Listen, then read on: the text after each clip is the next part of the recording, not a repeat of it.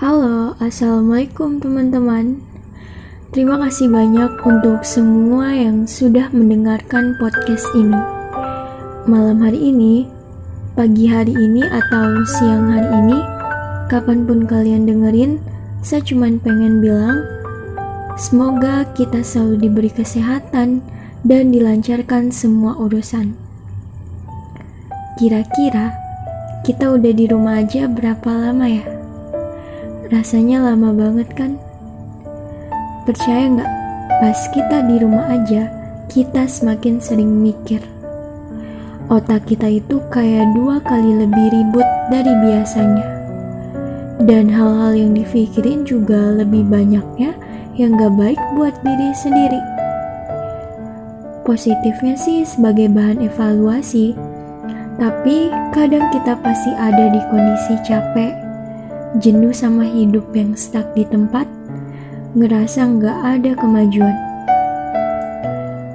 Melihat realita orang-orang di sekeliling kita yang hidupnya baik-baik saja.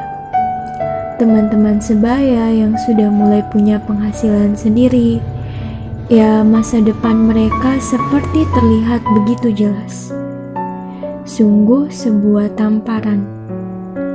Sedangkan diri sendiri masih terkurung di ruangan ternyaman yang menjebakkan bernama kamar.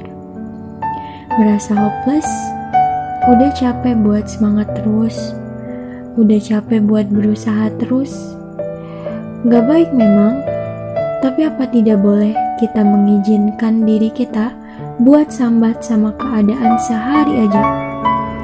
Ngizinin diri kita buat nangis sepuas-puasnya, padahal gak jelas juga sebabnya apa. Kadang kita itu suka terlalu keras sama diri kita sendiri untuk tidak mengizinkan perasaan seperti ini kita rasakan. Padahal itu juga nggak baik. Kita semua sedang bertumbuh. Bertumbuh di keadaan yang sama sekali di luar ekspektasi kita. Bertumbuh untuk beradaptasi dengan semua hal yang sudah, sedang, dan akan terjadi. Siapa pun kita nggak bisa lari dari ini semua.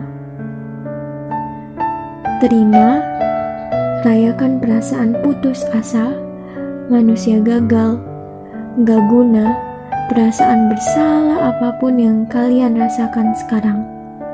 Entah itu dengan nangis, teriak-teriak, merenung, atau apa pun yang penting itu bisa sedikit memberi rasa tenang.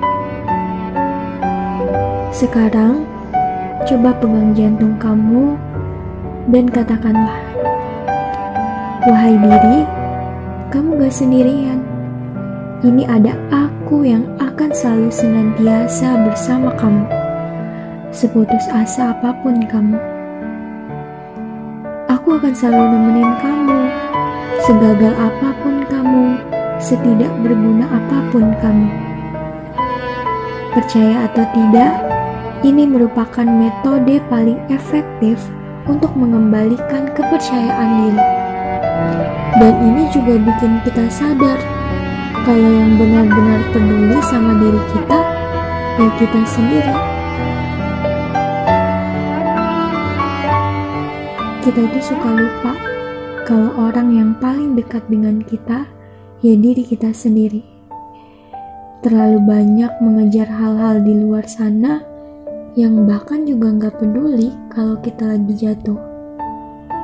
Cuman pengen bilang, sekarang mungkin kamu lagi nggak baik-baik aja. Nggak apa-apa untuk hari ini aja kamu egois dengan segala hal. Nggak apa-apa untuk hari ini aja kamu mengutamakan diri kamu daripada yang lain. Gak apa-apa. Kalau sudah merasa cukup, kamu harus bangkit lagi. Coba lagi buat semangat. Coba lagi buat usaha. Terus coba aja. Dan ketika perasaan jatuh seperti ini datang lagi, kamu tahu apa yang harus kamu lakukan. Semoga sedikit kata ini bisa ngasih semangat untuk kita semua yang sama-sama sedang belajar tentang arti kehidupan. Sekian dari saya, sampai jumpa.